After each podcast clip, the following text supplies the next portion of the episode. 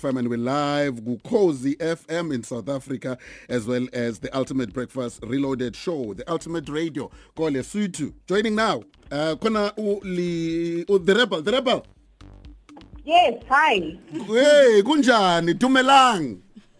Kukhona njani? Hey, hayi kitsuhile, ki kitsuhile. Ki- Kina li BTLO Widelo who's also my co-host here. Uh BTLO. Uh, I, I was I was trying to pronounce the name. Is it Boitelo?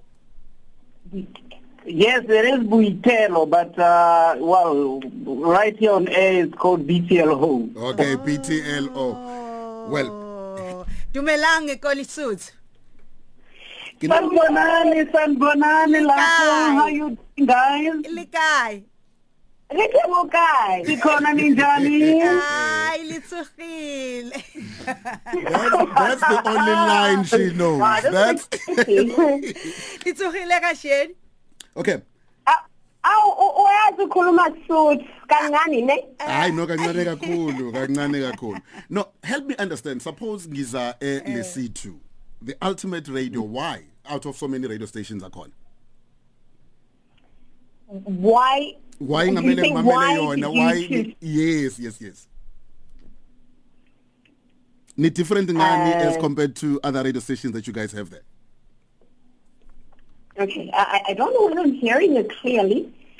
Are you saying why No, why no, no, you uh, chose that? yes yes yes i'm, I'm checking with you why out of so many other radio stations that you guys have why would i listen to you what's so different about you, the radio stations the ultimate- Alright. Wow. Okay. Okay. Great stuff.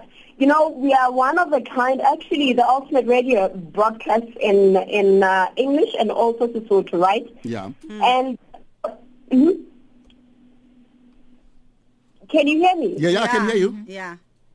Okay. So um, ha ke tsebe na nka bua ka Sesotho le tla nkutlwa. yeah bua ka sesotho okay, we're celebrating uh, um, African Month, right? Yeah. So, um, what we're trying to do, really ultimately, who um, hore re etse bamamedi ba rona bao e seng Basotho le bona ba tsebe ho utlwa ditaba.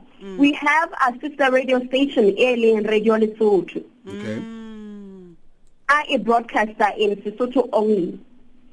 So with the Ultimate Radio, we're trying to cater for our international community and also for our community ba tsebang Sekgowa. Mm, And mainly this this is a, a youth radio station. Uh, how how it was how it was invented. It focuses mainly on issues that uh, you know concern uh, young people in in the country. Of course, we touch a lot uh, a lot of issues tse leng hore le batho ba baholo, abantu badala, you know have interest in. Uh, but of course, uh, we are an urban youth radio station, and it's a national broadcaster. yeah okay okay Eh B- eh, BTLO he? yeah Yes, yes. Yeah, BT eh, BTLO. Eh mo Africa bona re tseba hore how go Durban ba rata gqom thata and eh how go Jozi eh bona ba rata eh mapiano. Eh lona eh, go Lesotho eh limamela dipina. Tse jwang? Wow, you're touching a subject e ke ratang ko re ngiyathanda kakhulu ukukhuluma ka this subject. Eh. Um, we have what they call manga jazz. It's, it's actually what's uh, trending right now. Mmino wa Sesotho ke mangae. Okay. Mang eh, say it again. Mangai, yes. Manga- so mangai. Basotho ba kopantse modern music with a traditional music. I don't know if it's on Mangai right now. mm. So that's that's what's trending right now. Kore Basotho have gone back. I don't know. I don't know if, if you understand Mangai. Um, I know Like in mas- your in your like Zulu culture, Maskandi. uh, that's what we call initiation school, right? oh okay Lebullo. I don't know what you call it, ka ka puo ya lona, but uh, lebullo. You have that? mm. Yes. Initiation So that, that, that kind of music e binwang lebollong kapa ke makulwane, that's what we call mangai. mangai Oh. Mangai, eh, so there's that fusion that there's that fusion that you you see our artists ebayetsang uh, they bring the modern sound and then fuse it with with that mangai, which is a traditional kind of music, uh, edinwang by in, by the Guys from the initiative. hey, the boys from the initiation schools and and and all of that. So it, it is it is what it is. But I, I'm, I'm sure before see see see see see Vale this conversation, we'll be able to hear some Mangaya song, eh? we have to we have to We'll, we'll, we'll, try, we'll try, we'll try. That I like our one of the probably ba Ukuz FM something um, to the I mean to that uh, to that effect. Of Extent. course, we'll do. But uh, but before we go on, I mean, I, I, I really like this blanket of yours, guys. I mean, I, I Oh. just said that it's The- the- the very attire. expensive. Oh, it is so expensive. Huna le kubo elipa eliparang ekuhlwa bare i expensive eh keng ebuhlokwa ka yona. Yo, I like it. Akakubo. Eh, Abako. A blanket. Okay, that you ngubo guys wear. um I'm told keep it's you warm. very I get expensive. ya ya ufuthumatsa. Um ha ke tsebe na uh, ka Sezulu ha le re ya futhumatsa le reng. Ba footmez. Yeah. Yeah, Futumela. Oh yes, yes, yes. Oh, Oh, I want, no, I just PTLO. no, I just wanted to Ngiyalo know. wayithanda manje hayi. the thing is with with the blanket, Uh-huh. ki ki ki tradition. So Yeah. Oh. it's, it's more like our identity. How you know us, how you distinguish us from from other tribes. You know. Uh, Basotho and and the blanket. I know people from South Africa most of the time. Barata ho moka kapo ho soma. They like mocking Basotho about the blanket. Yeah. Hey, this is where the blankets even when it's hot, blah blah blah blah blah blah. But it is who we are. It, it is part of the the, the tradition. You you cannot go, you know, for for you know a kilometer or two without meeting someone, uh, you know, who is wearing a blanket, especially how Tamaya in the rural areas. Okay. Oh, that's the significance of this Bosotho blanket. Okay, tell me. Let's say I wanna say I'm not married in your language. How can you? Ah. I'm not. Awanyalo, Akwanyalwa. oh. awanyalo. Awanyalwa. You still single, right? Okay. Ke a tla ko Lesotho ke tlio batlela mona wa Masotho. Oh, o batla monna Mosotho. Yebo, I'm coming to PTLO we Lesotho. we lapho. PTLO, I'm coming We, for we, we you. will do an exchange. Hello is already that's what. You know what, BTLO, the problem is he's already paying. Bamthathile, Oh. bamthathile. The, the, the, the rebel aka bakamthathi yena. Ah, the rebel is still available. Yeah, GG. No, no, no, no, no. I'm BTL, for that one, but I but but, but I'm telling you in confidence, he is still available. okay. Oh, no, no, no, no. BTLO, I'm from uh, Buthelezi clan, you know. so I'll, I'll become a great wife. So it's fine, I can come. He's the second wife. Eh, yeah. And become the great Well, wife. well, well, ngiyacabanga leyo, ngiyacabanga ngayo leyo, so don't worry, don't worry. Okay.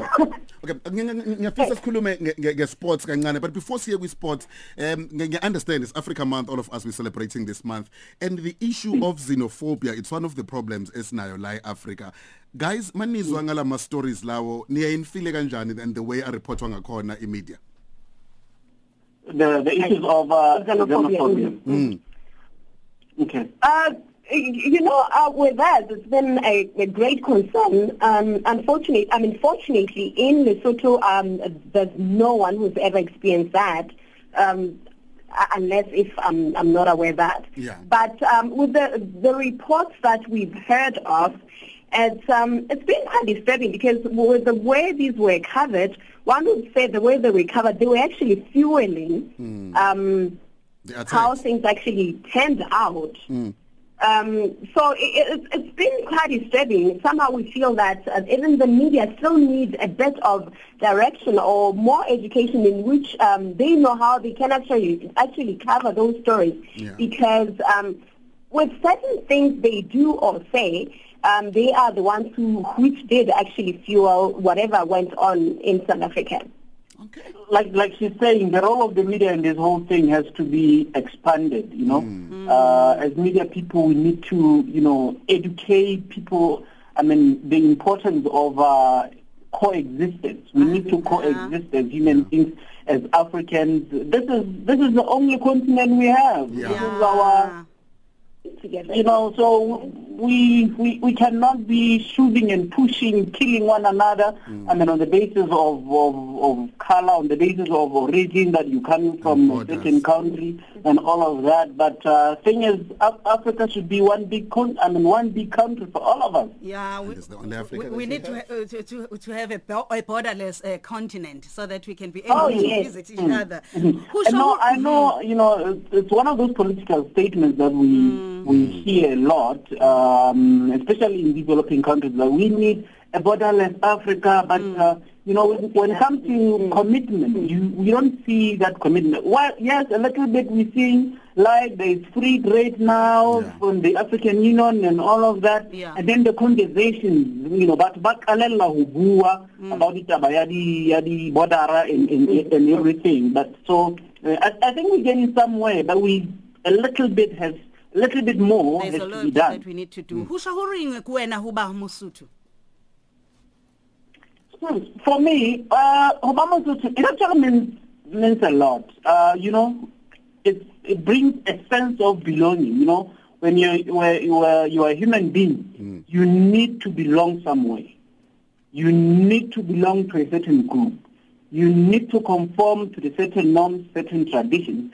And as as a Mosotho, it means I have to abide what by what Bosotho mean, by what Bosotho is.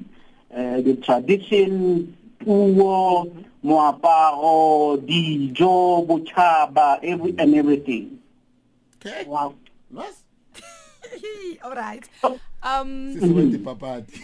okay eh ke rata hore tsa dipapadi mona Afrika Borwa ke karolo e kgolo ya bophelo ba rona eh ba ka mehla eh maimo ah maimo imi jwang ka mo I tell you, nailed it. I tell you, nailed it. I feel now, but when we, we, we tour. Dijo She's written that down. I, I like that. I like that actually. Mm, mm. Dijo eli iri e- e- e- eli di kan- eli ratang ko Lesotho. All right. Uh, when it comes to sports, um, you know, geographically, South Africa, in fact, Lesotho, le ka hare ho South Africa. ho South Africa. So what happens that side, um, actually you will find it happening that side, Lesotho I mean. So even as dipapadi ke karolo ya bohlokwa haholo ya bophelo ba letsatsi le letsatsi, we cannot do without without sports, whether it's your modern sports, whether it's traditional games and, and, and all of that. Um, and of course, Lesotho has, uh, like South Africa, has a lot of following in, in, in soccer, football. Uh, that's, that's what we see. And also, um, Honale Mabelo, athletics also.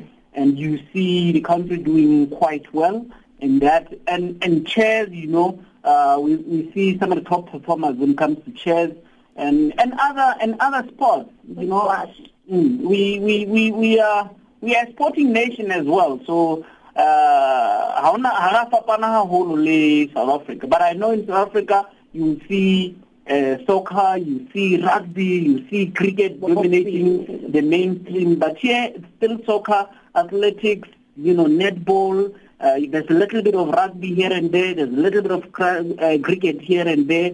But mostly it's, it's, it's football. so namtsiba Thabo Sinong Thabo Sino, Thabo Sino, uqeqeshi we-national team yethu. Uh, Did I get that right? Gqi? No, no.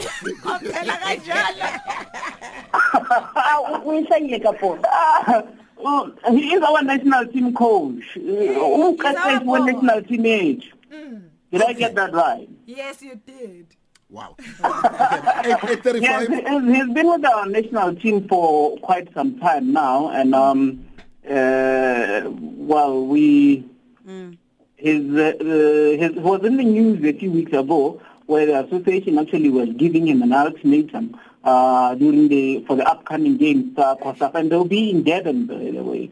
And hopefully, I'll be. uh, the game will be in Durban next, I think in July, and uh, he was he I'm was winning. as he was given an ultimatum to make sure that uh, he brings something from those from those games. Sesithole isitori. yes yes, yes, yes, Guys- yes re ya leboga mme eh eh, ho bua eh, le rona mo vuka africa breakfast show at cozy fm okay ke ultimate out, uh, okay eno ke ena ke ntate ha o re mme o leboga nna ke le mong. Uzwile you understand?